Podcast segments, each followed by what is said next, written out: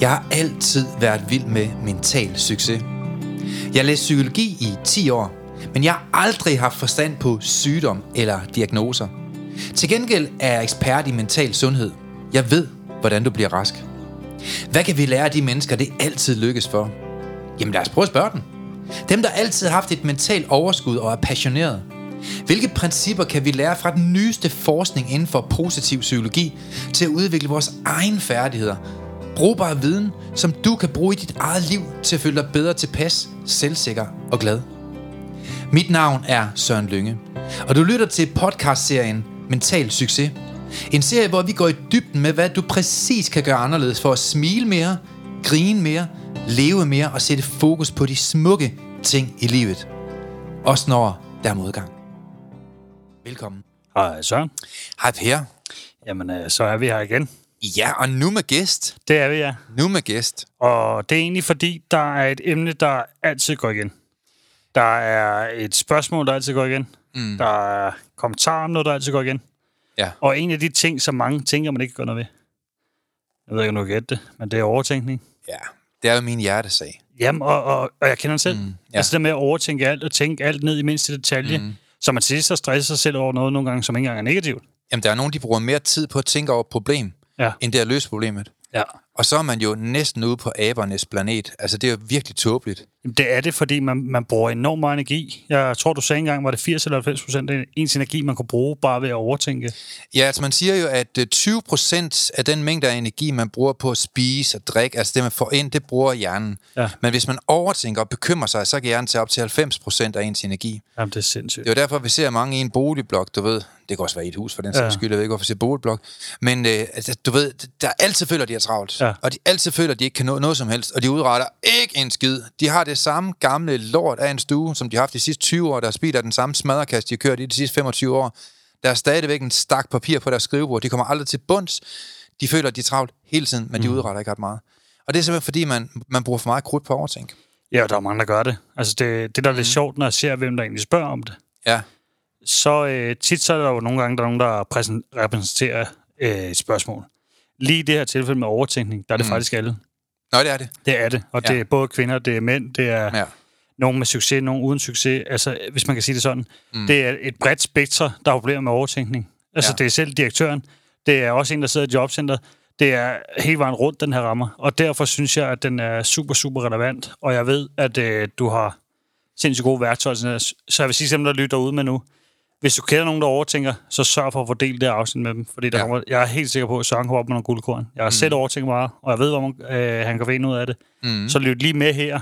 Og Ja. så kommer der også en historie om øh, ja, en mand om lidt, som vi præsenterer, som Ja. øh, også har overtænkt rigtig meget og har fået rigtig godt styr på det. Men Per, man kan jo sige, at den mængde af tid, man bruger, eller rettere sagt misbruger, når man overtænker, den kunne man jo lige så godt bruge på at blive en bedre far, Ja. uddanne sig, øh, fix garagen. Altså, man kan jo lige godt, altså hjernen er fuldstændig ligeglad, om du tænker eller du handler. Den Ja, bruger den samme mængde af energi. Jamen, det er noget, der, noget af det der, der er sindssygt, og sådan en haroplevelse, jeg havde Mhm. mm. det der også.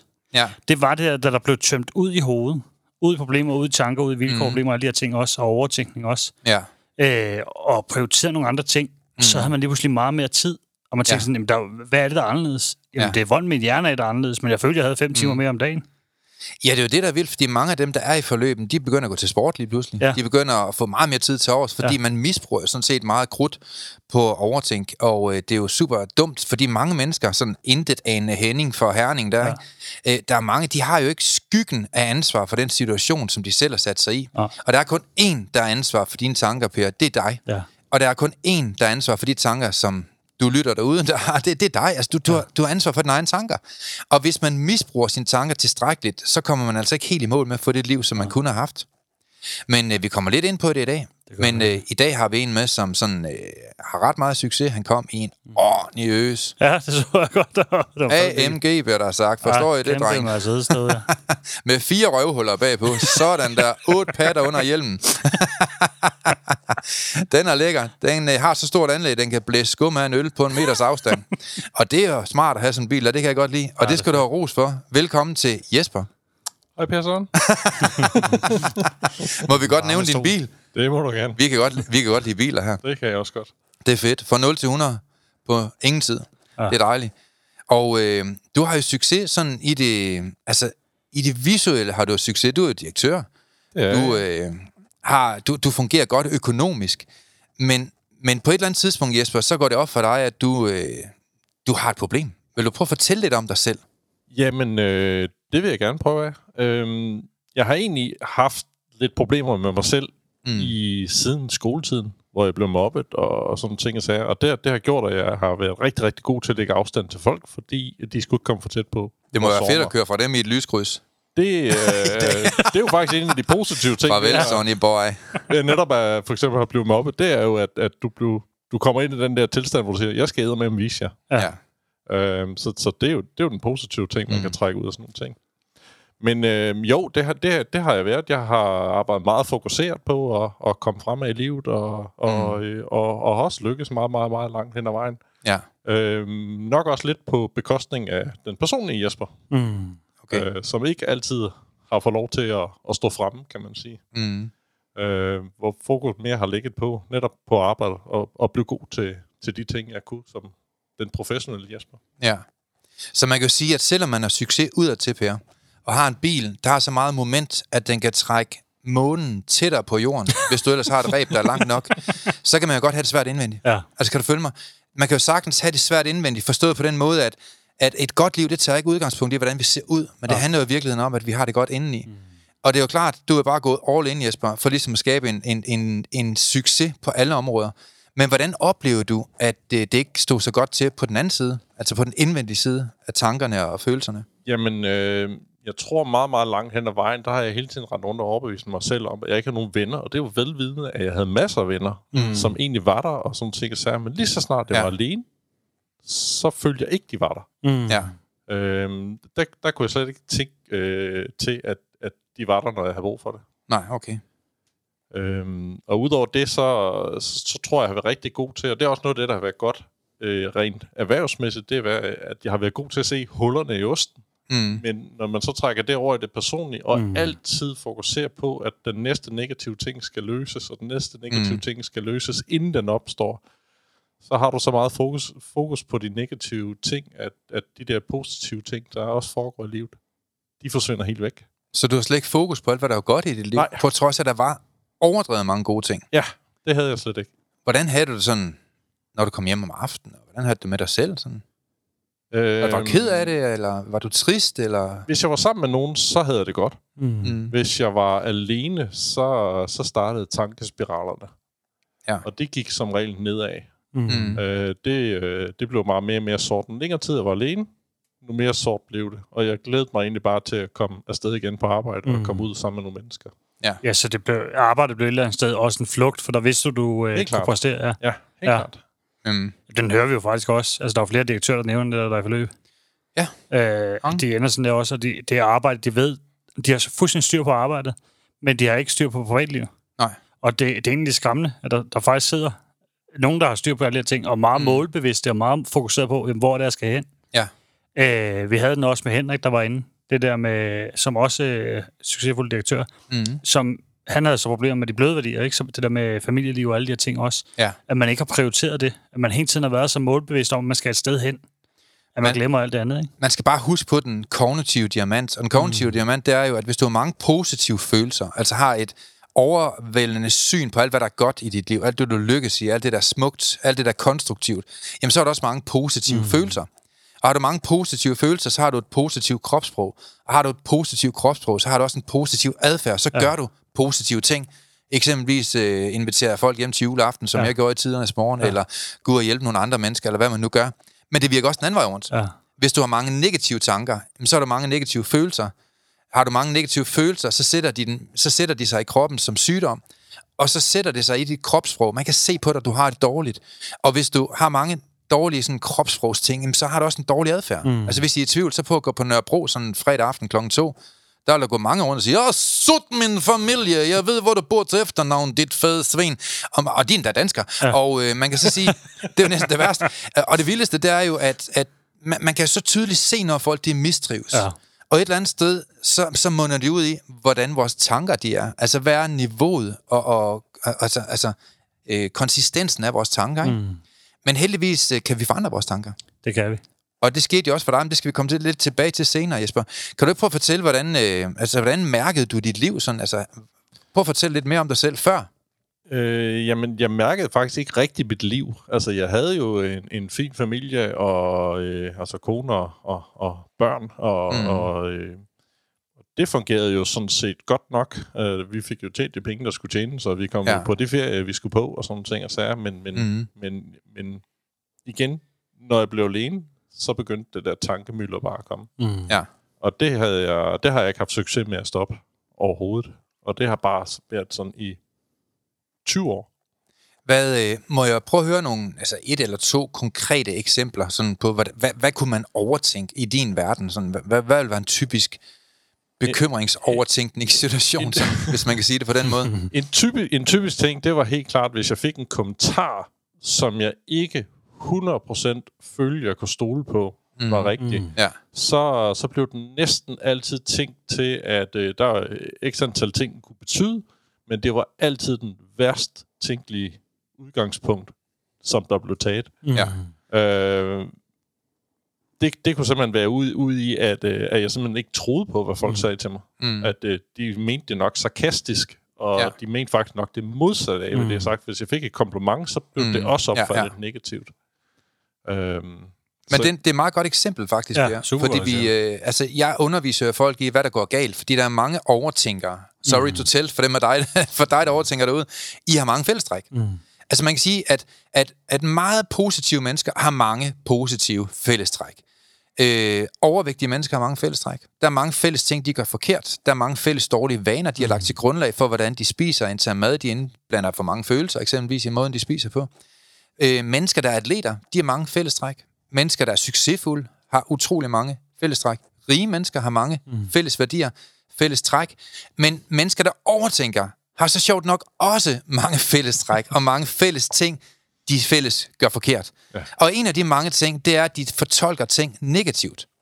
Altså, de bliver ved med ja. at antage det værste.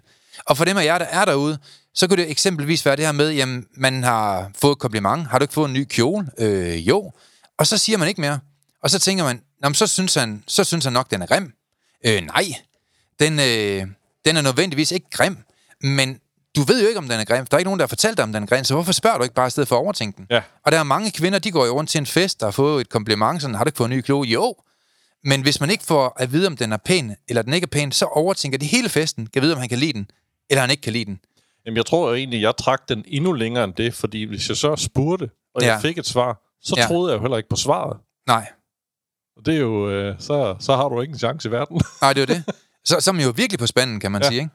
Og derfor tror jeg bare, det er enormt vigtigt, det her med, at man skal prøve at identificere, når man fortolker ting negativt og antager det værste.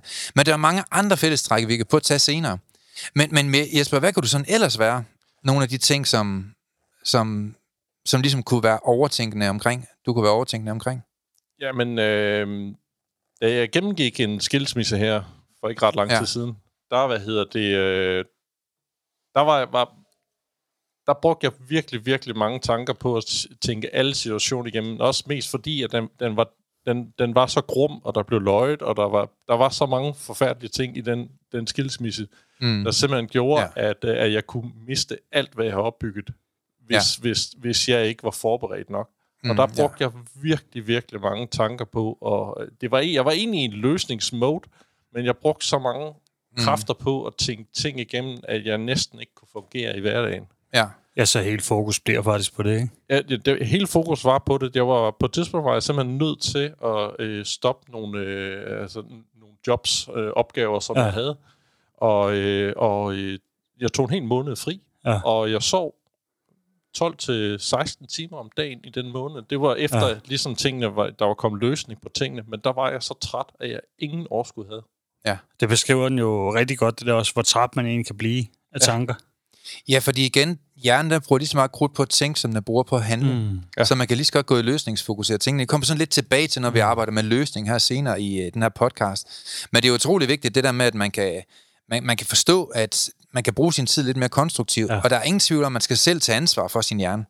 Altså, hvem har ansvar for dine tanker? Det har du jo ligesom selv. Og, og hjernen, den har brug for din ledelse. Det har vi jo været meget inde på i den her podcast. Og jeg tror, det er en, jeg, jeg er en af de eneste, der arbejder med metakognitiv psykologi, som egentlig siger det på den her måde, fortolker det på den her måde. Du skal tage ansvar for din hjerne. Din hjerne, mm. den har brug for dit lederskab.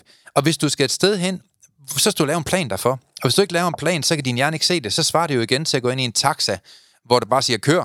Ja. Øh, kør hvorhen? Ja, bare kør. Det er der ikke nogen, der gør. Hjernen har simpelthen brug for at vide, hvor vi er på vej hen. Den har brug for, at der er en plan. Fordi som jeg også nævnte i vores sidste podcast, Per, hvis der virkelig er styr på dit shit, jamen, så er der ikke grund til at bekymre sig. Nej, der er noget, jeg vil gerne tilføje noget sådan der faktisk. Ja. Og det er det der med, at fordi har du ikke styr på dit shit, er der Ja. ting, der ikke er styr på, så kan du netop lægge en plan jo. Mm. Så du får styr på det, eller i hvert fald forsøger at få styr på det. Og det fungerer hjernen jo også super godt i, så længe den ja. ved, hvor den er på vej hen. Men en meget, meget vigtig ting, både for dig, Jesper, det har du sikkert hørt mig sige før, nu, nu har du været i forløb her hos mig, øh, men, men også til dem af jer, der lytter derude, det er det her med, at hjernen vil altid prøve os af. Mm. Hjernen vil egentlig helst have det liv, som den havde i går. Så hvis man for eksempel har dårligt selvværd, og man så siger, jamen, øh, nu har jeg fundet nogle værktøjer, der gør, at jeg har det bedre med mig selv. Jeg, for, jeg ser mig selv i lyset og fortolker anderledes om min værdi.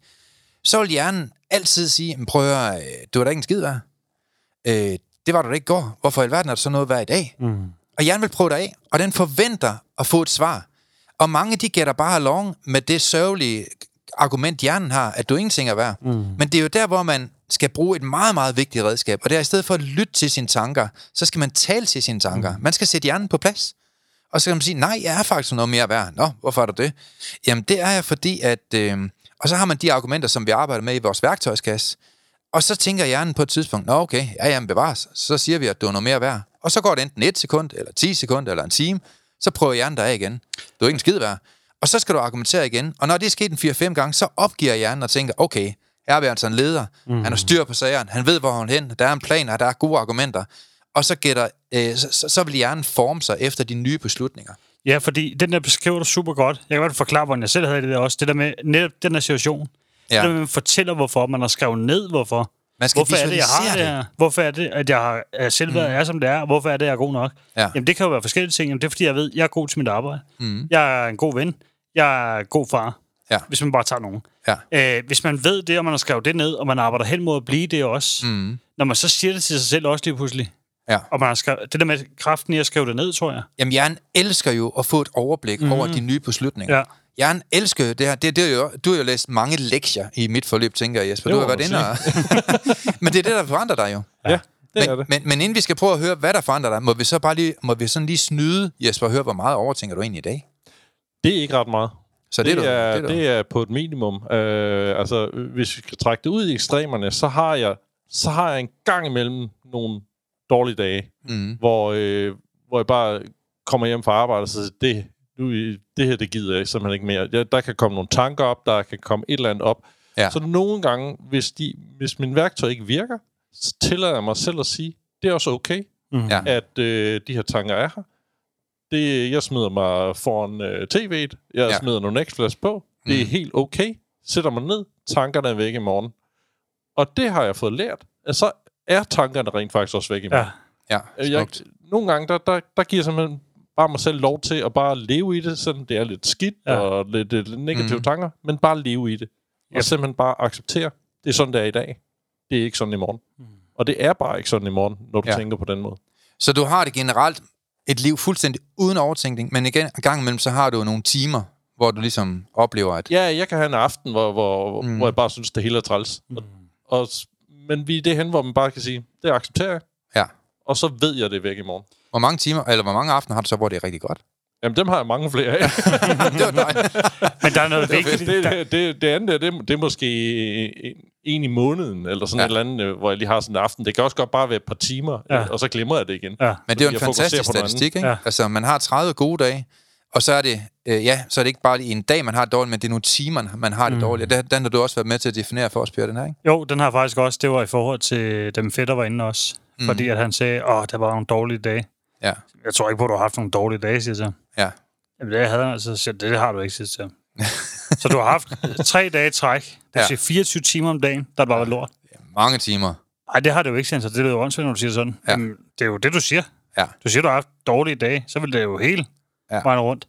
Da vi så fik defineret det ned, og vi tog den der uge, der ikke har været så god, så var det to timer ud af den uge. Ja. Så siger jeg, hvor meget har du problemer før med det? Ja, det var jo nok øh, 7, 7, 38 timer. Okay, mm. er det så ikke øh, væsentligt bedre, siger jeg til ham. Ja. jo, når du siger det sådan, så kan jeg jo godt se det, men det er nogle gange der, hvor meget man tillægger det, ikke? ja, ja. Øh, men jeg kender godt følelsen. Det der også det der med, jeg, har det nogle gange også, hvor det, øh, en sjældent gang imellem, der kan min smerter være rigtig slemme. Det, jeg har lært, der også giver mig ro, det er også det der med at sige, det er sådan, det er, det er et vilkår. Og, nok, og sådan er det nogle gange en gang imellem. Jeg ved, i morgen, når jeg står op, så er det bedre. Ja. Så man ligesom accepten af det også, at vi er ja. mennesker, og nogle gange så kan man også lige blive ramt af livet. Det er ikke, fordi vi lige pludselig bare er robotter og supermennesker, det er jo ikke det. Men så længe man i det meste af ens tid og energi og alt det, der bliver brugt i en positiv retning, så tror jeg også, at øh, så har man lettere ved at håndtere der nogle dage, hvor det nogle gange kan være lidt, øh, lidt tungt. Ikke? Men det er også an på, hvordan man sætter normaliteten, ikke? Ja. Fordi et normalt li- liv i min verden er jo også et normalt liv med smerte. Ja, ja, ja. Altså et normalt liv kan jo godt have smerte. Ja. Øh, man kan jo godt have en, en enkelt dårlig time eller to mm. på en måned, som du nævner her, Jesper, ja. Ja. og så er der bare rigtig mange 30 gode dage, hvor det hele det bare kører. Helt Ja. enig. Må vi prøve at komme sådan lidt ind på, øh, du valgte så at, at registrere på et eller andet tidspunkt, at det hjalp åbenbart ikke at se en video, eller hvad, Jesper? Øh, det hjalp ikke at se et foredrag, men, men der skulle noget mere til. Altså, hvordan fungerede det, når du så... De fleste danskere, de tænker jo, nu ser jeg lige en gratis video, jeg hører en gratis podcast, så, så stopper jeg nok min øh, 20 års elendighed med overtænkning. Ja, dem så jeg også mange af. Okay, og hvordan? Det fungerede så ikke, eller hvad? Jo, jo, men altså, jo, det fik jo flyttet mit fokus lidt hen på, at der kunne ske. Altså, mm. jeg kunne få ændret noget. Ja, Det var faktisk vigtigt. Øh, men men, øh, men øh, jeg tror, det næste skridt for mig, det var, at, at jeg egentlig snakkede med nogle venner, som anbefalede egentlig at, at, at, at snakke med dig, Søren. mm. Og så tog jeg herud til, til et foredrag, og så kunne jeg godt mærke, at jeg sad på det her foredrag, at det her, jeg troede egentlig på dit koncept. Det var Ja. ja. den ene vigtige ting. Og, og den anden vigtige ting, det var, at jeg vidste udmærket godt, at mm. øh, hvis, jeg, hvis jeg skulle lykkes her, så var jeg nødt til at lægge en indsats i det. Mm. Så det var så også derfor, jeg valgte at tage det, øh, jeg, jeg ved ikke, om det er det store program, men det er i hvert fald halvstore program. Du fik det VIP, dog. Fordi at jeg Ja. ja. vidste, at hvis jeg både investerede i det Ja. økonomisk og øh, tidsmæssigt, og, øh, og, øh, og jeg, som jeg også sagde til dig, jeg vidste, at jeg skulle jeg Ja. skulle snakke med dig, Søren, fordi ellers så vil jeg ikke have øh, den respekt. Øh, det, det kender jeg mig selv godt nok til, Ja. at, øh, at jeg var nødt til at gå til hovedet, for at sige det pænt, Ja, ja, ja. ja. for øh, at, øh, at selv tro på det. Ja. Og, øh, og, og når jeg så havde committed mig med både økonomisk og, og Ja. tidsmæssigt og sådan ting og sager, så, øh, så vidste jeg, så, var, så kunne jeg godt bide på og, og, og, og gøre det, der skulle gøres Mm. mm. med mig selv og arbejde med mig selv. Jeg har sat dage af. Øh, min mandag, den, der ved min knæk godt, at øh, der spiser vi arbejds- eller aftensmad på det og det her tidspunkt. Ja. Og så derefter så er jeg ellers på øh, online-møder med, øh, med, hvad hedder det, mental succes, eller hvad den er, det hedder. Jeg kan ikke engang huske, hvad den hedder lige nu. Ja, ja. Øhm, jeg laver lektier enten søndag eller mandag, mm. øh, og, og det er bare konsekvent. Og det, det har jeg fået bygget ind i mit liv. Hvordan har det været det der med at arbejde med sit mindset? Fordi jeg tror jo på, som jeg også har sagt til jer kære lyttere, jeg tror, at der går tre år, så øh, siger man, hey, jeg går til fitness en time om ugen, og så går jeg til ja, mentaltræning en time om ugen. Det tror jeg, det bliver meget, meget mere populært. Og allerede nu kan vi jo mærke, at i starten af den der podcast, så var folk sådan lidt flove over mm. at sidde og høre på mental udvikling. Men i dag er der mange flere, der, må man sige, praler Ja. med at sige, hey, vi hørte den her podcast, den er mega fed, og siger det bare til alle. Mm. Det er blevet mere socialt acceptabelt at arbejde med sit mindset. Ja. Og det er jo ikke, det er jo ikke i godsøjne svage typer, hvilket nogen tror, det er, der lytter til sådan noget her.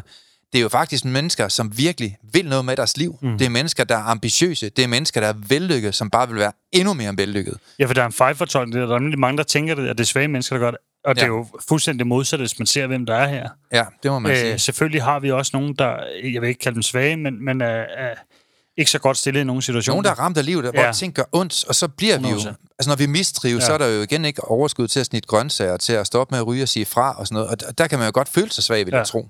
Men det er en procentdel af det, ikke? Altså, der er jo lige så mange forskellige typer. Øh, det er jo alle typer mennesker. Ja. Det er jo virkelig det, der er i det. Det er jo Mm, alle typer ja, mennesker. Men det er fordommene om, hvem der er nogle gange. Men jeg tror også, det er folk, der, der lige pludselig vil se sig i en anden rolle. Mm. Altså før i tiden, så har de set sig i en rolle med, at jamen, jeg er bare den, der tit har problemer. Ja. Jeg er i en rolle, hvor jeg, hvor jeg altid sådan overtænker, og jeg misbruger 300 timer om måneden. Det, er- sådan, sådan er jeg bare. Ja. Sådan var min far også. Ja. Og så er man uansvarlig. Og lige pludselig så tror jeg faktisk, at der er nogen, der ligesom stepper op og siger, jeg vil ikke se mig selv i den rolle mere. Jeg vil ikke se mig selv som svag. Jeg vil ikke se mig selv som at være i den rolle, hvor at, øh, jeg ikke fungerer godt socialt. Jeg vil ikke se mig selv i en rolle, hvor jeg ikke længere bliver inviteret ud, og hvor jeg altid er negativ. Jeg vil have en ny identitet. Men jeg tror også, at altså, det er det, der er lidt sjovt, fordi hvis man, man ved, hvis man skal have en uddannelse, Ja. så skal du læse, du skal udvikle det, og du skal sørge for at gøre det ting, du nu engang skal. Ja. Men det, der er ikke rigtig tænkt det ind. Hvorfor er det, man ikke gør det med sin mindset? Der er med træning, der er med sport, ja. der er med alle de her ting også. Så træner mm. du. Altså, så det giver jo super god mening at søge viden også, hvis du ikke har den. Hvis din far ikke er en fodboldstjerne, mm. og du gerne vil lære at spille fodbold, Ja. så går du ikke hen og spørger din far om det. Så lærer du det jo ikke hjemmefra, hvor du spiller fodbold. Men det er også fordi hjernen er, som den er. Altså hjernen, den har brug for at visualisere noget mm. for at forandre sig. Ja. Og du visualiserer ikke noget, hvis du, hvis du bare lytter. Man bliver nødt til at skrive. Altså, det er jo, det er jo en af, altså lyngemetoden er jo et program, et livsstilsændringsprogram, hvor man skal skrive nogle ting ned. Mm. Og, og det er jo en metode, som jeg har skabt, fordi jeg virkelig tror på, at det er den mest effektive. Mm. Og vi ser jo gang på gang på gang, at folk de får et nyt liv af det. Fordi hjernen, den har svært ved at forstå ting. Ja. Skal jeg få give et eksempel på, at hjernen har svært ved at forstå et eller andet, som mm. egentlig er meget simpelt. Lad os prøve at tage en, øh, jeg ved ikke, om det er en joke eller en lille vittighed, hvad vi kan kalde den. Men, men, men prøv at høre den her. Det, Det, det, det meget sjovt lige. Ja, ja. det er en dreng, der er ude at køre med sin far. Mm. Og øh, de kører galt, og faderen han dør, men sønnen han overlever. De kommer selvfølgelig på hospitalet, og så kommer øh, sønnen ind på hospitalet, selvfølgelig på en borger, og så kommer overlægen ned ad trappen og siger, nej, nej, nej, nej, nej, nej, nej, nej, ham kan jeg simpelthen ikke operere, for det er min søn. Altså, hvordan kan det lade sig gøre? Faren er lige død. Kan I følge mig lidt? Og jeg har fortalt den her til rigtig mange, også på mit foredrag. Jeg kan se, at jeg lige starter den igen. Det er en dreng, der er ude og køre med sin far. De kører galt, og faren dør lige på stedet. Han dør, bang, færdig. Og sønnen ryger med hospital, altså ind på hospitalet med, med ambulance selvfølgelig. Og mens han er der på borgen, så kommer overlægen ned og siger, nej, nej, nej, nej, ham kan jeg ikke operere, for det er min søn. Og hvordan kan det lade sig gøre? Men det er jo selvfølgelig bare, fordi overlægen er hans mor. Oh, ja. ja, selvfølgelig. Ja. Der, er, der er ikke nogen på hele jordkloden, der kan se en kvinde være i den rolle. Og jeg, jeg er ked af at sige det, fordi dig, der er derude, du bliver også fanget i den. Det gør i hvert fald 99 procent af dem, der hører mit foredrag. men men pointen, er, pointen er bare, at overlægen er hans mor. Ja. Og man kan ikke lige se... Øh, ja, det ved jeg ikke hvorfor. Det må I selv lægge råd med derude. Men man kan ikke se øh, moren i den rolle af at være overlæge. Af en eller anden mærkelig årsag. Men hjernen har meget svært ved at se forandringer selv. Det her det var et eksempel på noget, der er utænkeligt for hjernen. Mm. Og det kan godt være utænkeligt at sige, nu er jeg overtænker. Men det kan være utænkeligt at tænke, jamen der går tre måneder, så overtænker jeg slet ikke mere. Så har jeg 300 timer til overs til at gå til sport, til at nyde mit liv, til at begynde at træne igen, til at begynde at gå til frisøren og, og blive lækker, til at få en pænere hud, til at begynde at vinterbade, til at begynde at være mere social, mm. til at begynde at gå ud og lave mine gamle hobbyer. Folk kan ikke se sig selv i rollen er at blive en fornyet person, før de begynder at arbejde med mentale værktøjer. Og det er jo derfor, der er så mange, der gør det. Det er Jeg fordi, der er en også- stor benefit ved at gøre det. Jamen, jeg tror også lidt der er i det, fordi jeg kan sige i hvert fald for mig selv, nu er jeg jo ADD, som også gør, at hjernen kører der godt derud, at jeg overtænkt sindssygt meget også. Ja, Øh, og jeg husker, siger til mig også, på et eller andet tidspunkt, så vil der være ro i det der også. ja, Og jeg havde jo aldrig tænkt, at jeg kunne sidde og nærmest føle, at der nogle gange bare var slukket nærmest. man. Ikke fordi jeg sidder og savler i hjørnet, det er ikke sådan. Nej, nej, nej, nej. Men at, øh, at der egentlig bare er ro. Mm. Og det, det der med, ligesom man har, fø- føler, man har slukket radioen. Bare sidder lige nyder det, bare er der. Det, det har jeg jo aldrig kunne sådan igennem tiden. Nej. Men det der med, at man ligesom har fået taget styring rent mentalt i hjernen også, og der ligesom mm. ryddet op i de ting, der er, de tanker, der er, og alle de her ting, der ligesom er i livet, der kan skabe en masse bekymringer og problemer. Ja. Når man får ryddet op i de ting, så får man også en anden balance i. Mm. Øh, og det har jeg også kunne mærke, det var også jeg snakker med folk om, at det er jo forskellen i de ting, man har fået håndteret de ting nogle gange i livet, ikke? der også gør, at man øh, mennesker overtænkning også, synes jeg. Og der skal man bare huske på, at dine beslutninger, de skaber din fremtid. Ja. Sådan er det bare. Dine beslutninger skaber din fremtid. Nogle af jer derude, I beslutter, at jeg tager bare det liv, jeg havde i går. Mm. Fint. Så vil din hjerne lede dig i den retning, som du altid har været i. Mm. Men hvis du ikke tager en beslutning og viser hjernen, hvem der bestemmer, og tager en rationel, sund beslutning og gør noget meget, meget fornuftigt med dit liv, for at tage ansvar for, at du ikke længere overtænker og bekymrer dig, jamen så får du bare det samme liv, som du havde de sidste to år. Mm. Og hvis du ikke er tilfreds med det liv, og du ønsker et bedre liv, som Jesper han til Sydenlande ønskede, jamen så bliver du nødt til at gøre noget anderledes. Mm. Og det du så valgte at gøre anderledes, det var så at melde dig til et foredrag. Ja, det var, det var mit første step, kan man sige. Ja, hvorfor, valg, hvorfor valgte du det? Sådan, Jamen igen, det var, øh, det var nogle anbefalinger. Jeg havde ja. fra nogle, nogle venner, som, Ja. øh, som også har set både foredrag og nogle enkelte har kommet herude. Okay. Øh, og, og, og har været meget glad for det. Og øh, dem valgte jeg at stole på. Mm. det er jeg sgu glad for i dag. fedt. Ja, fordi det var med til at skabe din nye fremtid. Ja, ja helt klart. Du har jo et liv, hvor der er helt anderledes. End, at du, du stråler også på en anden måde, Jesper. Ja, jamen, det, jamen, det, det føler jeg også selv. Og faktisk, Du shiner. Hvis jeg lige må øh, tillægge mm. til en af de ting, vi, I snakkede om lige End- før, Endelig. så var det øh, altså en af de ting, som, som, som jeg har oplevet efter, at jeg ligesom ikke bruger så mange kræfter på at tænke på alt muligt, man ikke bør tænke på. Ja. Så selv på mit arbejde jeg blevet så meget mere effektiv. Og der Wow. var jeg faktisk forholdsvis effektiv Wow. før, men, men i, i dag kan jeg komme meget hurtigere igennem tingene. Mm. Og det ud fra den betragtning af, at jeg var hurtig til at komme igennem tingene før. Ja. Ej, hvor vildt, ikke? Og, og det har faktisk givet mig rigtig, rigtig meget mere bare på arbejdspladsen, hvor jeg ikke følte, at jeg tænkte på nogle af alle de her ting. Ja. For det var først, når jeg kom hjem. Men når jeg ser tilbage på det, så mm. har jeg jo gjort det. Mm. Ja. Men jeg kunne godt mærke, dengang vi tog den opgave, der hed ABC, der gik der nogle ting op for dig, øh, og du fik lavet de vigtigste ting først. Men du kan se, Per, dengang vi har Maiken med på foredrag, hende der var depressiv, mm. hun var helt normal, altså normalt fungerende, rigtig flot pige, men sådan tenderende depressiv. Mange flere negative tanker end positive, både om sig selv og om sine omgivelser. Mm. Hun øh, har stress, øh, fordi det, der sker med overtænkning og bekymringer, det er jo det eksistensgrundlag for stress, og stress, det består jo af angst. Angsten for ikke at række til, angsten for ikke at være god nok, angsten for, hvad tænker de andre, angsten for, om jeg kan nå det, angsten for, øh, kan jeg lykkes, mm. øh, og så videre, og så videre. Og da hun så kom ind i forløbet, hvor hun lærte de her værktøjer, skrev tingene ned, og var i en proces af struktureret udvikling i sit liv, så gik hun jo for at samle 100 ting på arbejde, til at samle 500 ting. Ja, det var sindssygt. Det har hun jo sagt i, i en video. Og det vil sige, at hun er blevet, hun er blevet 500 gange så effektiv. Det er jo 500 procent mere effektiv. Altså fem gange mere effektiv. Det er jo fuldstændig vildt, at man kan blive så meget mere effektiv, bare ved at strukturere sine tanker. Jamen, det er også så sindssygt, fordi det, der undrer mig, jeg, det kan godt lyde sådan lidt hårdt, men hvorfor er der ikke flere arbejdspladser, tænker ind i det her? Jamen, Hvorfor de gider ikke arbejde ikke med mental udvikling. der? Nej, men det der du undrer mig kiks, hvis du tuder. Jamen, fordi et eller andet sted, så har man jo mennesker, der tager.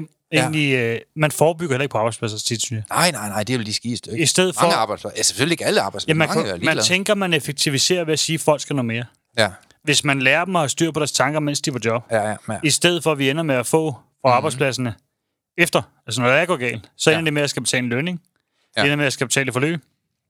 Altså, der, der kunne godt tænke mig, og det kommer vi sikkert også til at arbejde meget med hen imod, mm. at vi laver noget til virksomheder også, så man øh, kan komme ud og hjælpe dem. Der er i hvert fald nogen, der begynder at efterspørge det. Ja. Ja. Men der er ingen tvivl om, at alle mennesker vil jo blive mere effektive, hvis tankerne de, jo får en, i stedet for imod en. Må jeg sige noget sådan også? Mm. Og det er egentlig, hvis der sidder nogen derude, der har en arbejdsplads, eller er virksomhedsleder, eller eller andet andet, så er du også ude på arbejdspladser, der vi har, du har jo også samarbejde med en virksomhed, hvor du faktisk øh, hjælper os. Ja, ja, altså vi er jo ude på mange foredrag, men, men, Ja. ja. men det kunne da blive meget bedre, vil jeg Ja. ja. sige. Altså, der, der er der flere mennesker og virksomheder, der kunne få glæde af at få nogle glade, produktive medarbejdere, i stedet for en flok medarbejdere, som skinnes og bagtaler og ja. irriteret og ikke kan get along og kommunikere dårligt og kommer for sent og, og egentlig mistrives derhjemme. Altså, Ja. den bedste gave, man kan give til en medarbejder, det er at give dem nogle værktøjer til at fungere bedre socialt. Ja, for det, giver dem jo, det gør det bedre i deres privatliv, men når de har det bedre i deres privatliv, så har de jo også bedre at præstere bedre, når ja. de er på arbejde. Der er mange kedelige tal omkring det, jeg nok skal være med at belemre jer om ja. i dag. Men, Ja, det var også lige sidespor, jeg kom med men, det øh, men, men, men, men vi har jo strålende, strålende bevis her på dig, Jesper, der bliver meget mere effektiv. Hvordan var det egentlig? Øh, altså, fik du nogle aha-oplevelser, eller hvordan var det, da du så begyndte at arbejde med dig selv, og du mærkede forandringsprocesserne ske? Kan du ikke prøve at fortælle og sætte lidt ord på det? Jo, men altså, noget af det, som, som jeg egentlig husker bedst i, i starten, det var det her med at parkere tankerne. Mm. Ja, Simpelthen uh, sige, at det tager du på et andet tidspunkt. ja, Øh, jeg lavede jo den her lille regel for mig selv, at, mm. øh, fordi jeg har fået at vide af dig, at Ja. øh, prøv at koge det ned til, at du må bruge 15 minutter om dagen på at, at tænke de her negative tanker og, og overtænke ting. Ja. Øh, det passer nogenlunde lige med mit morgenritual på, øh, på øh, hvad skal jeg, toilettet, WC, mm. og, og, og det med at komme i bad om morgenen og sådan Ja, ting. ja, Og, ja. så. og, så, og så lukkede jeg den egentlig til, at når jeg var derude om morgenen, så var det der, jeg kunne tænke tankerne. Mm. Men det holdt faktisk ikke ret lang tid, fordi så holdt jeg egentlig bare op med at tænke. Fantastisk. altså, det, det stoppede, mm. det gjorde jeg måske en uge. Ja. Og så derefter, så, så var der ikke behov for det mere. Kom, nogle gange, øh, kom i hjernen nogle gange og prøvede dig lidt af og sagde, ah Jesper, vi kan godt lige tænke lidt negativt nu, hvor Ja, du så ja, lige skulle sætte absolut. hjernen lidt på plads og sige, ah, det, det er i morgen. Ja, men, men øh, mig lidt? et, Ja. et af værktøjerne, det er jo det her med at sige til sig selv, jamen, øh, det er okay, tanken er der. Ja.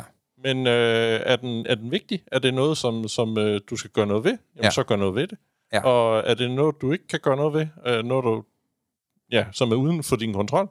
Drop tanken. Mm. Ja. Og det der, det er for dem af jer, der er lytter, også for dem af jer, der er psykologer, så er det jo det, vi kalder klassisk metakognitiv psykologi. Og det er bygget ud fra devisen, hvad sker der med en tomatplant, hvis vi ikke giver den vand eller næring? Den dør. Ja. Og sådan er det også med vores tanker. Ja, Tanker, er de må det. godt være der, men vi behøver ikke nødvendigvis at give dem opmærksomhed. Ja.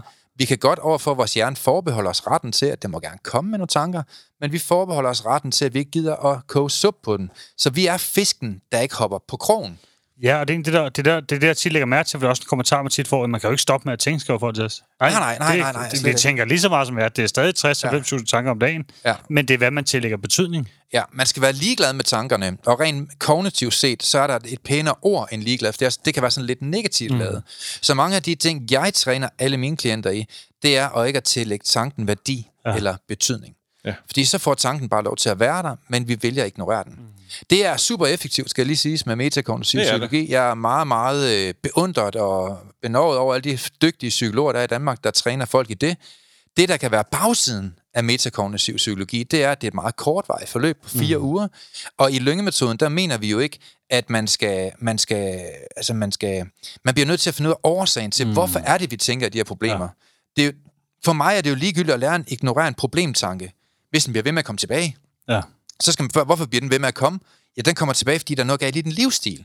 Og det er derfor, at det program, vi skaber her, det er et livsstilsprogram, som går ind og bearbejder, at du i første omgang slet ikke får de tanker. Mm. Fordi din livsstil, den bliver bedre.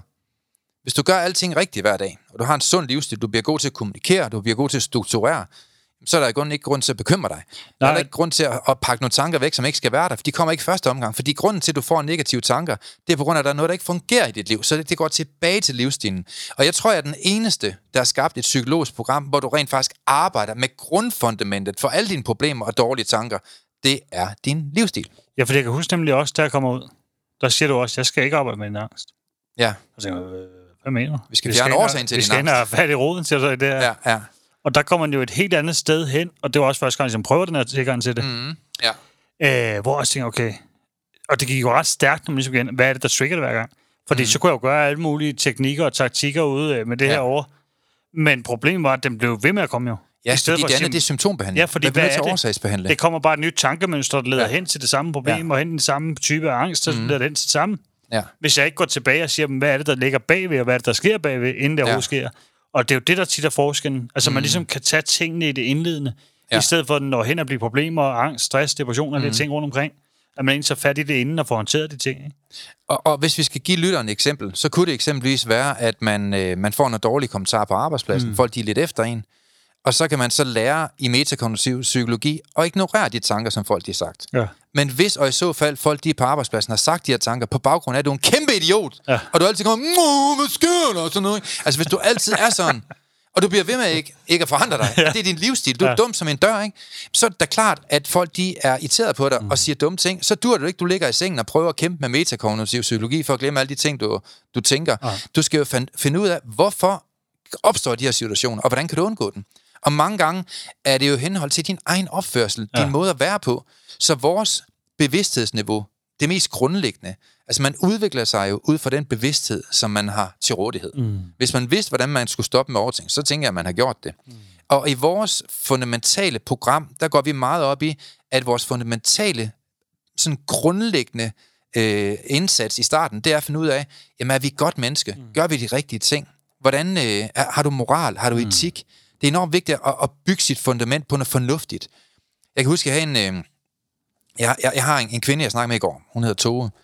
Og midt under den samtale, vi havde, så siger hun til mig, jamen Søren, jeg siger tit til mig selv, at øh, jeg, er ikke, jeg, er ikke, jeg, jeg bilder mig selv ind, jeg ikke er fed. Og så snakker hun videre. Og så tænker jeg, jeg har helt sikkert hørt det der forkert. Og så gik der lidt tid i en samtale igen, og så siger hun, ja, så bilder jeg mig selv ind, jeg ikke er fed. Og så bliver jeg lige nødt til at sige, hey, to, prøv, prøv, prøv lige at holde en gang. Øh, siger du til dig selv, at du ikke er fed? Ja, siger hun så. Hvorfor gør du det, siger jeg så. Jamen, så, så går jeg og bilder mig selv ind, jeg er ikke fed, så skal jeg ikke tænke så meget over det. Og så siger jeg så noget, som en psykolog aldrig ville have gjort, i hvert fald en klinisk psykolog aldrig ville have gjort. Så siger jeg, det der, det skal du stoppe med fra i dag. Nå, skal jeg det? Ja, fordi enten så er du fed, eller så er du ikke fed. Altså, hvis du er fed, så, er det, så kan du mærke det på din BMI. Det kan du måle dig frem til. Enten så er du fed, eller så er du ikke fed. Jeg er ligeglad, om du er fed. Fuldstændig rav mig en ski, om du er fed. Men hvis du er fed, så skal du forholde dig til, er det noget, du har tænkt dig at have det godt med, mm. og leve videre med, så er det fint med mig. Så er jeg ligeglad. Jeg har mange venner, der er overvægtige, eller decideret fede, og de har det fint med det. Mm. Så har jeg det fint med det. Men hvis du er kommet til den konklusion, at du er fed, og du ikke har det fint med det, så skal du begynde at lave en handlingsplan for, hvordan du kan mindske mm. det, at du bliver ved med at at tage på i vægt. Fordi ellers, hjernen er ikke født i går. Den er jo ikke dum. Så hvis du på, påstår for din hjerne, at, at du ikke er fed alligevel, så vil du blive p- påminde fire-fem gange om dagen om, ja. Du er fed. Hver gang du binder snørebånd, så vil du tænke, åh, jeg er også for fed. Og så skal du lyve over for hjernen. Ja. Eller du skal ud og løbe, så bliver du for pustet, du kan næsten ikke trække vejr. Så er du igen en, der påminder dig, at hjernen påminder dig om, du er for fed. Og så er du i den her disharmoni. Og mange mennesker, de lever i disharmoni. Ja. Vi har tre personer. Vi er den, vi gerne vil være. Så er vi den, som andre mennesker synes, vi er. Og så er vi den, som vi i virkeligheden er. Mm. Den person, eller de tre personer, skulle gerne være den samme. Så den, vi udgiver os for at være, det er også den, vi er. Men sådan skal det også være over for dig og din hjerne. Mm.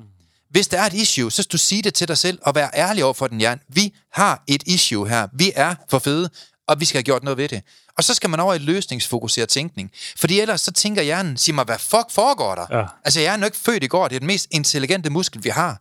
Og vi bliver nødt til som mennesker, og i, i, at, altså, øh, vi bliver nødt til at i tale de problemer, vi i virkeligheden har. Mm. Grundkernen af vores problemer, det kan være dogenskab, eller det kan være manglende selvdisciplin. Men man skal ikke begynde at pynte på en masse ting og gøre sig selv bedre og leve i en stor fed løgn. Og så prøver man at ligge og glemme det om natten igennem metakognitiv psykologi. Nej, vi må tilbage til roden. Mm. Vi må se os selv i spejlet og så sige, jeg har brug for at være et godt menneske. Mm. Jeg skal være ærlig. Jeg skal være åben. Jeg skal få gjort op med min egen fejl. Hvis jeg kan mærke, at der er et issue i mit liv, som jeg har et problem med, det kunne eksempelvis være overtænkning som dig, så skal jeg simpelthen have gjort noget ved det. Ja. Og så skal man begynde at arbejde med sin livsstil. I hvert fald ifølge mig. Ja. Altså den måde, jeg, jeg opererer. Min metode, den handler meget om livsstil. Mm. Så når man kommer til mig, på grund af overtænkning eller mindreværdskomplekser, jamen, så er der meget mere i mit program, end bare de to ting. Ja. Så det er ikke quick fix at være her. Giver det sådan lidt mening?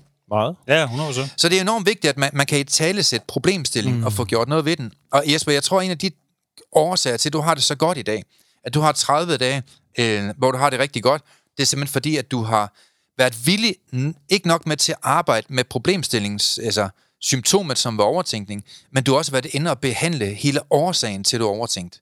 Jamen, det har jeg. Altså, jeg har, jeg har gjort op med min fortid. Ja, du har fået styr på dine problemer. Jeg har fået styr på mine problemer.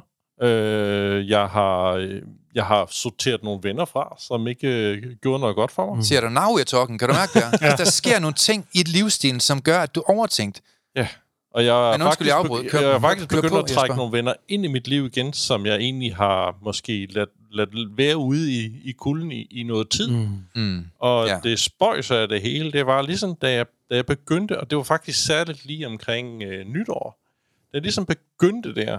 Mm-hmm. at, øh, hvad hedder det, øh, at tænke mere positivt, så kom de af sig selv. Ja. Det kan godt være, at de har gjort det før, men der opdagede jeg det ikke, Ja. i hvert fald. Ja. Øh, men nu kunne jeg mærke det, jeg kunne opdage det, øh, eller jeg opdagede det, og, og, og, øh, Mm. Ja. og, det, og det føles virkelig, virkelig godt.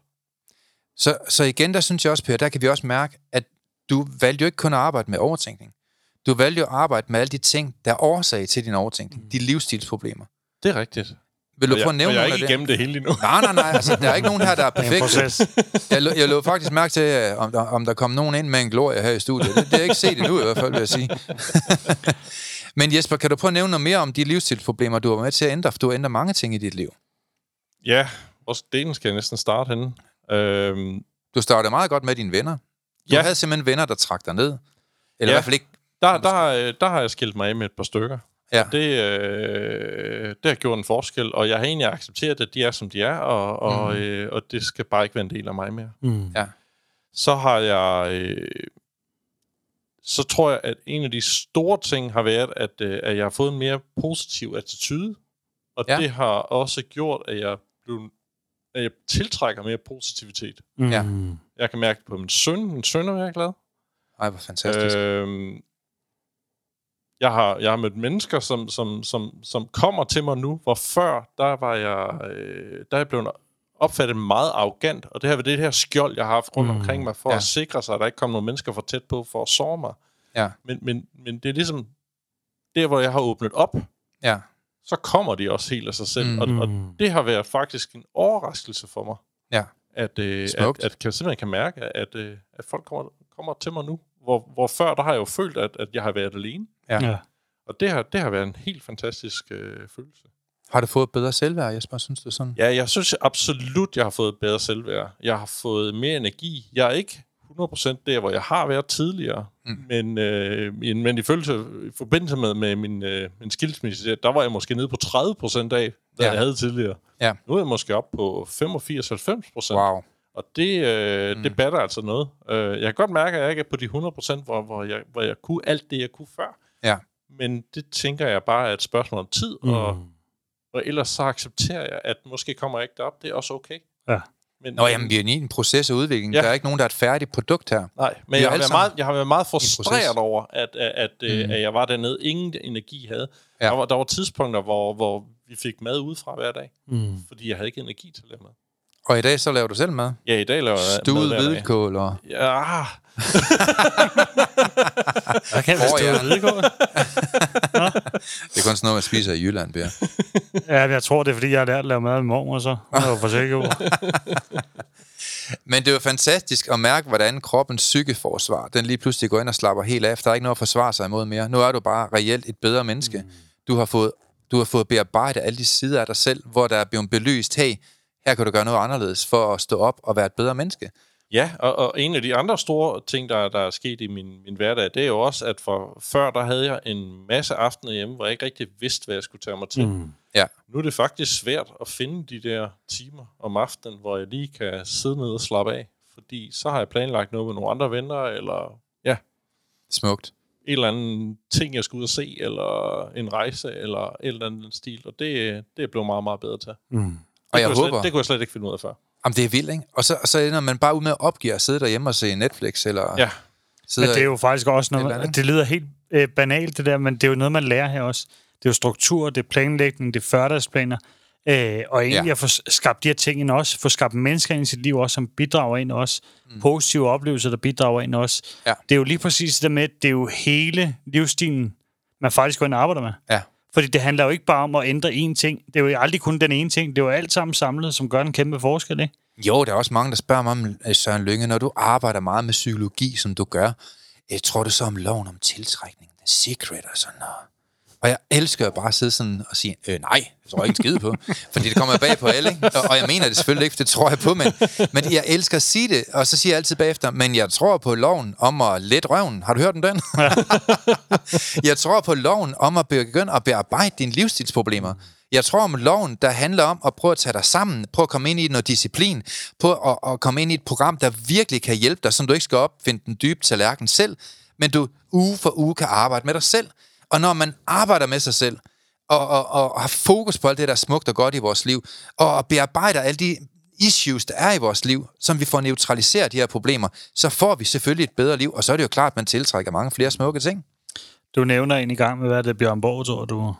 Ja, det var en af de tidligere verdensmester i, øh, i tennis, hvor at en journalist siger til ham, jamen, du har godt nok også været heldig.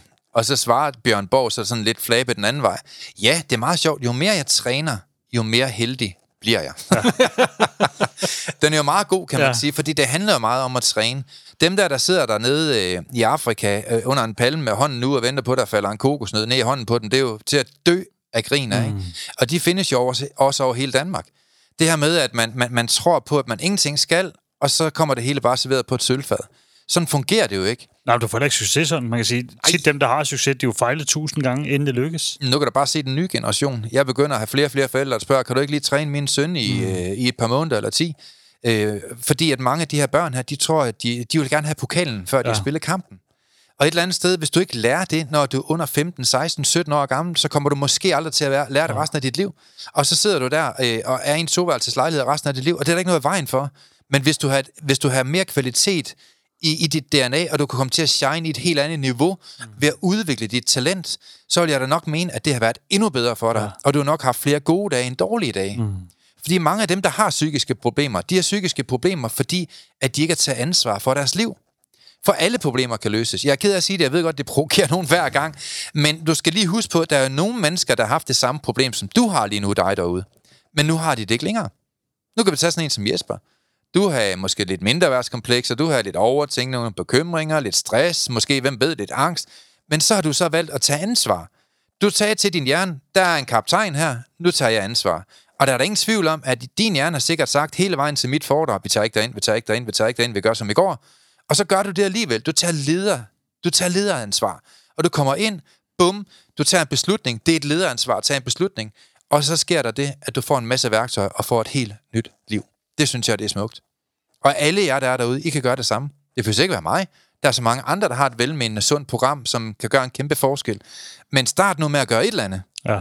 Det sagde vi også sidste gang. Gå nu ind på hjemmesiden, Lyngemetoden. Ja. Tryk på den øverste knap, hvor der står, hey, du kan få gratis værktøjer her. Ja.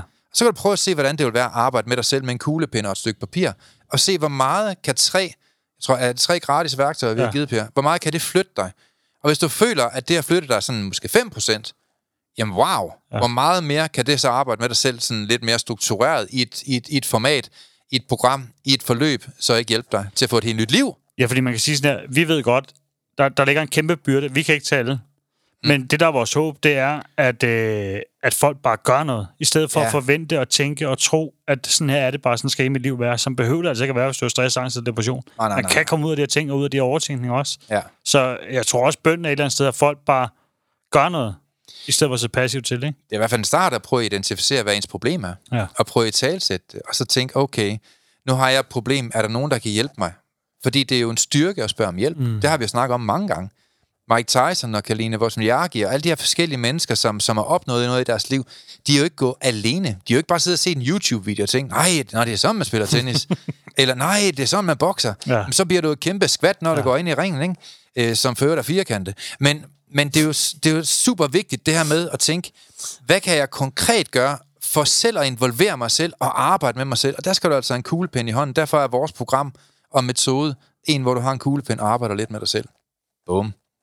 Hvordan har det været at komme ud på den anden side, øh, Jesper? Det tror jeg, der er mange lytter derude, der gerne vil have, at du sætter lidt ord på. Jamen, øh, jeg er... og nu må du godt prale lidt. Du er en ydmyg mand. Mit, øh, mit selvværd, det er, det er blevet ret højt. Ja. Det, øh, der kan jeg mærke en kæmpe, kæmpe forskel. Jeg har meget få øh, bekymringer, og jeg tænker primært positivt nu. Wow. Og kommer der nogle negative tanker til mig, så er jeg god til at få dem parkeret, eller Ja. gå i løsningsmode. Øh, og det igen, det er jo de personlige ting, der, der ligesom har spillet ind der øh, Ja. tidligere. Og øh, ja, hvad, hvad mere? Jo, øh, igen det her med at, at sortere lidt ud i, i, i vennekredsen. Sørg Mhm. mm. for, at, at dem, der er omkring dig, det er nogen, der gør noget godt for dig. Mm. Ikke at de sådan, skal Nej. Yde noget de- decideret for dig, men, men de skal helst ikke trække dig ned. Nej. Det synes jeg også er vigtigt. Så det var farvel til Karen Kedelig i dit liv, og ind med nogle nye og bedre venner. I hvert fald Karen Dum. Ja. Må jeg prøve at høre jer begge to? Det tror jeg faktisk aldrig, jeg har spurgt både dig om og Per, og øh, hvis jeg sådan skal være helt ærlig, for jeg tror, der er mange lyttere, der gerne vil vide det. Hvis der sidder nogen derude, der har det så svært her, mm. hvor lang tid tager det så at forandre sig selv? Øh, og vi er jo ikke quick fix her. Ah, Øh, er- er- snakker vi to måneder, snakker vi tre måneder, snakker vi alle syv måneder? Mit program, det er jo et syv måneders program. Men, men, men hvornår mærker man en, en meget, meget positiv effekt, og hvornår i processen oplever man, nu, nu, nu er jeg virkelig forandret? Vil I prøve at sætte ord på det begge to? Det tror jeg, der er mange, der synes, det kunne være spændende, fordi igen, mange ønsker jo det quick fix, så skal de bare finde et andet sted end her i hvert fald. Det Ja. er jeg ikke. ah. Jeg tror ikke på det kvikke fix. Skal jeg Men igen, starte, Hvor tænker lang tid tog det for, for dig, Per? Øh, jamen, man kan sige, at effekten kom ret hurtigt. Okay. Og det gjorde den faktisk efter, allerede efter 14 dage, 3 uger. Der Okay. mærker jeg en markant forskel. Hvordan, når du siger markant forskel, hvad ligger du i det ord? Jamen, det var det der dystre tanker. Det der med, at håbet, jeg ikke har noget håb før, og jeg stod op og var depressiv, og alle tanker ligesom kørte igennem dagen var dårlige. Mm. Øh, okay. At det var kun, når jeg ligesom var sammen med ungerne, at jeg faktisk havde en pause. Øh, at jeg kunne tænke noget godt. Når jeg var alene, så var alt dystert jo øh, indtil da. Okay. Så var det ligesom, da jeg kommer derhen efter de to-tre uger, ligesom har fået nogle ting, og begyndte at arbejde med tingene også, begyndte at gå mere i løsningsfokuseret tænkning, ikke sidde i følelsen hele tiden også. Ja. Jeg lavede, jeg satte handling på, når jeg tænkte på noget, så satte jeg handling på. Ja. Så begyndte jeg at blive mere effektiv. Så allerede efter 3-4 uger, der begynder at mærke en markant forskel. Wow. Øh, og så begynder jeg jo så at bygge på der også. Øh, og hvad hedder det? Begynder at gøre noget aktivt også. En af de ting, der var også, det var, at jeg kontaktede øh, dengang jeg skulle genoptræning også, jeg skulle lære at gå igen, kan man sige. Ja, ja, ja. Så jeg var i koldvandsbad og det ene og det andet. Mm. Øh, og jeg begyndte selv at gøre det ting også, hvor du siger til mig, prøv at søg al den hjælp, du kan få, så du kommer hurtigst om, muligt Ja. ovenpå. Tag noget initiativ. Men jeg havde slet ikke tænkt over det der. Så da jeg begyndte at gå løsningsfokuseret tænkning, selv skabe forskellen, så det 3-4 uger mærker den store forskel, og så bliver du ligesom bygget på videre derfra. Mm. Og så det, der sker med alle, som, som man siger rent forskning også, øh, det er jo det ved 12 uger, Ja. der kan man godt få et lille drop, fordi der tænker man, man har styr på hele verden, man kan det hele, man er supermand. Ja, ja. Så får man en lille drop, mm. og det er jo så også der, hvor det er syv måneder, fordi så samler man folk op igen der. Ja. Så bagefter, så jeg vil sige der, efter tre måneder, der tænker man, jeg har styr på det hele. Jeg behøver nærmest ikke sørge mere, tænker jeg. ja, ja. Øh, og så fik jeg et lille drop der. Ja. Og så siger du til mig, det er ikke naturligt. Det sker for alle. Det er To også skridt frem og tilbage. Ja, altså det der med, at det er en proces, og det er derfor, ja. det er syv måneder. ja. Da, efter de tre måneder så, så har jeg lille drop, der hiver du så fat i mig også, og sådan ret opmærksom på mig der. Så kommer jeg, får jeg bygget op igen derfra, og så er det ligesom om, hvad kan man sige, grundindstillingen efter der, er fuldstændig ændret. Ja. Så en helt anden måde, man lige pludselig er over på den anden side af det her. Øh, så de tre første måneder sker der jo en eksplosiv udvikling, synes jeg. Okay. Så kommer der lige droppet der ved tre måneder. Ja. Øh, men det var hurtigt, synes jeg, at blive sat fri af rigtig, rigtig mange af tingene. Så kan man sige, der, der har jo stadig været udfordringer og ting, jeg skulle håndtere, og alle de her ting også imens. Du ringer også til en gældsrådgiver, gjorde Ja? Hvor mange har penge har du sparet ved at tage ansvar og lade din hjerne få et overblik over, hvor meget gæld har du egentlig? Ja. Øh, finde ud af, hvor betaler du mest i Nej, jeg ringede faktisk ikke til rådgiver. Hvad var det jeg så, du sad gjorde? selv og delte op. Nå, det gjorde- undskyld. Ja, du gjorde det selv, ja. Du sagde til mig, du er nødt til at ringe til alle. Jeg, Ja. ja. jeg ringede til alle kreditorerne, jeg havde Det var sådan, det var. Ja, sorry. Øh, så jeg sad og ringede ud til alle dem, og ligesom fik lavet nogle aftaler, det ene og det andet, og, og faktisk fik styr på det der også. Hvad sparede du af penge der? Ja, der har jeg nok sparet en 100.000, tror jeg, Det er sindssygt. øh, ved at gøre Ved det på at, den ved måde. at tage sig sammen. Ja, fordi man kan sige, det der med at ignorere det, det virker ikke jo. Og da jeg ligesom ringer og forklarer på, at jeg har brækket ryggen, så jeg står Ja. ja. sgu i en situation, hvor jeg er lidt presset. Jeg vil gerne gøre alt, jeg kan for ligesom at sørge for at overholde. Ja. Men jeg kan ikke betale så meget lige nu. Ja. Så var de jo ret forstående egentlig. Ja. Øh, og så fandt jeg jo løsninger på det. Jeg gik, gik foran en gang med genoptræningen. Mm. Og alle Med de ting krop også. der, ikke? Ja, det der med, så de ting, jeg kunne gøre noget ved, handlede jeg på. Ja. Det der med, at jeg er smerter, er ondt og det der, det, det lærte jeg ligesom, det er vilkår. Ja. Og, og så kunne man sige, så kunne jeg ligesom køre på derfra og bygge på. Og det er jo så det, der er. Og man kan sige, at jeg er jo stadig en udvikling og en proces med forskellige ting. Men generelt så... Jeg kommer aldrig derhen igen, det ved jeg. Nej, fordi nu er, nu er du, altså din hjerne er med dig. Ja, ja. Den følger jo dit lederskab. Ja. Din hjerne gør bare præcis, hvad du beder den om. Jamen, og det er, jo det, der, det er jo det, der er forskellen faktisk, at jeg ved, at øh, jamen, jeg ved, hvor min hjerne fungerer nu. Ja, Så, så jeg har, har slet ikke en tanke om, at jeg nogensinde kan ende der igen. nej.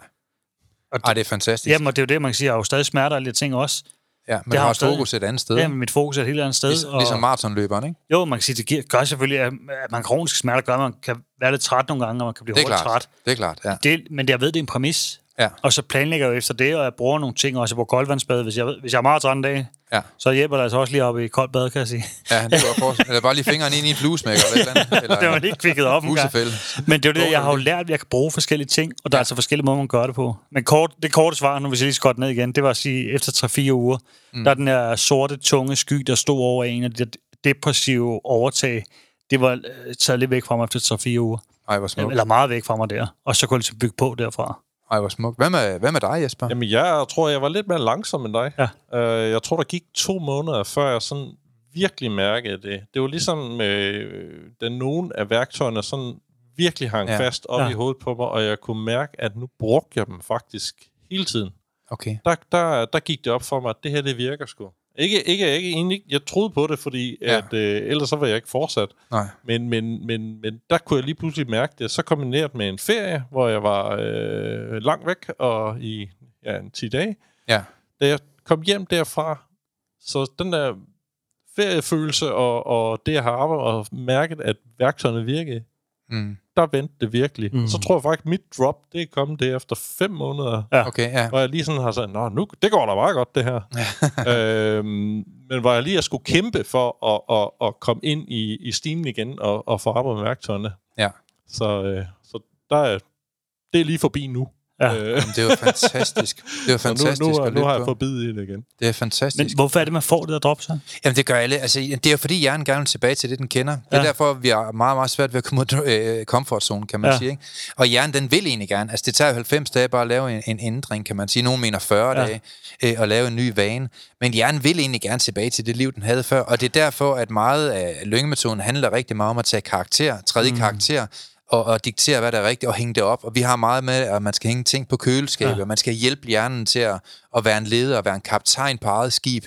Så, så, så vi ved jo, at de fleste mennesker, de falder tilbage, men vi ved også, hvordan vi undgår det. Ja. Øh, og det er også derfor, vi laver et forløb, der, der går længere ud, end der, hvor man...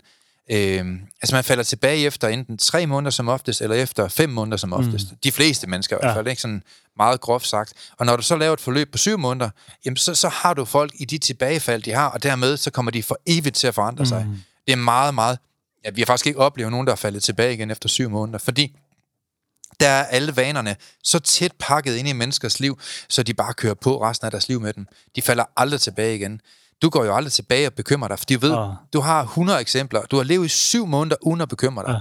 Øh, så derfor falder du aldrig tilbage til det igen. Og sådan er det jo, når man gider arbejde seriøst Men med det er sig også selv. det, at man har, jeg har et værktøj, jeg kan tage op hver gang. Jeg Ja. ved, hvis der er situationer, Du har garanteret mere end hvis der også, kommer et eller andet. Jamen, det har jeg jo. Jeg har jo Ja. altid et eller andet på ryggraden, jeg ved, jeg kan Ja. tage frem, så jeg kan få styring i hjernen igen. Ja. Og, og det er Ja. det, der er. Og, ja, så, mm. så, så, man ender bare ikke der igen. Nej, og ved du hvad? Man skal også passe på ikke at tage problemer så højtidligt. Ja, det er også Prøv at høre, det. vi alle sammen har alle diagnoser. Vi alle sammen har lidt ADHD, vi alle sammen har lidt angst, vi alle sammen har lidt, du ved, vi har alle sammen har lidt af hvert, ikke? Når, når man får en diagnose, så er det bare fordi, der er en af dem, der stikker lidt af. Ja. Øh, og det er jo i virkeligheden bare en dokumentation på, at du har et problem. Ja. Der er masser af mennesker, der venter to år på at få en diagnose, for at få en dokumentation på, at de har et problem. Det er fuldstændig tåbeligt at gå og vente på. Løs problemet. Få fikset det. Få gjort noget ved det. Vi alle sammen kan gøre noget, uanset om det er Alzheimer's, eller det er Parkinson, eller det er angst, eller hvad det er. Vi alle sammen kan komme ud for at have nogle ting i vores liv, der gør rigtig ondt på os. Men man kan altid gøre noget ved det. Ja. Vil I for øvrigt helst tage Parkinson eller Alzheimer's? Øh, det, Parkinson, det er der, hvor du ryster. Alzheimer's, det er der, hvor du glemmer. Hvad vil I helst have? Det var jeg glemmer. Hvis I skal, ja, hvad vil du helst have, Per? det var ryster, tror jeg. Ja, det er rigtigt, Per. Du svarer rigtigt. Ved du hvorfor? Ja. Så godt være, du taber drinken, men så kan du huske, hvor den næste flaske den står. nej, nej, det mente jeg ikke. Nå, anyways. Det var dagens gode råd. nej, nej, det var for sjov. Ja. Anyways, men uanset hvad man har, så kan man da altid gøre et eller andet. Det er det, der er pointen her. Og lad nu være med at gøre det alene. Find nogen at gøre det sammen med. Skal vi lige have det sidste råd, så? Ja, fra mig kan jeg høre, eller fra Jesper. Eller synes du? øh, vi kan godt tage et for begge, hvis det er. hvad, siger, hvad siger Jesper? Har du overhovedet et godt råd til folk? Om jeg har et godt råd? Mm? Jamen, jeg tror, du skal, man skal blive god til at droppe tanken med ting, hvor du ikke kan gøre noget ved det. Mm. Ja, fedt. Det vil sige, at du skal lære at give slip på ting, du ikke kender på alligevel. Ja. Yes.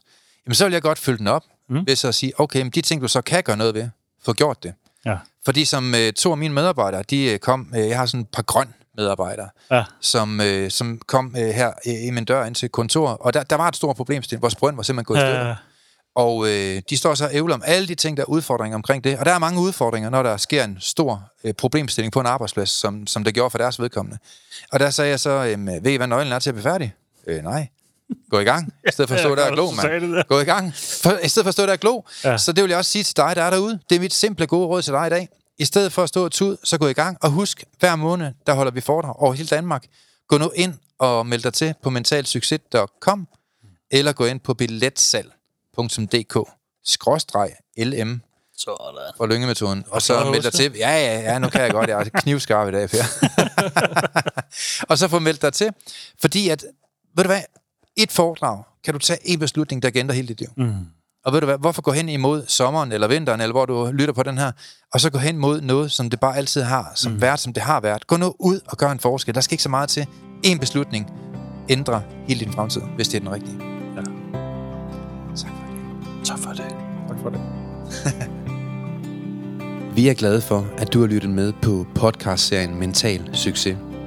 Hvis ugens emne har givet dig værdi, så er du meget velkommen til at dele det på sociale medier. Og hvis du har lyst, så har du mulighed for at møde os hver måned, når vi turnerer Danmark rundt med åbne foredrag og giver mentale værktøjer væk. Vi glæder os til at se dig på mentalsucces.com. Vi ses i næste uge.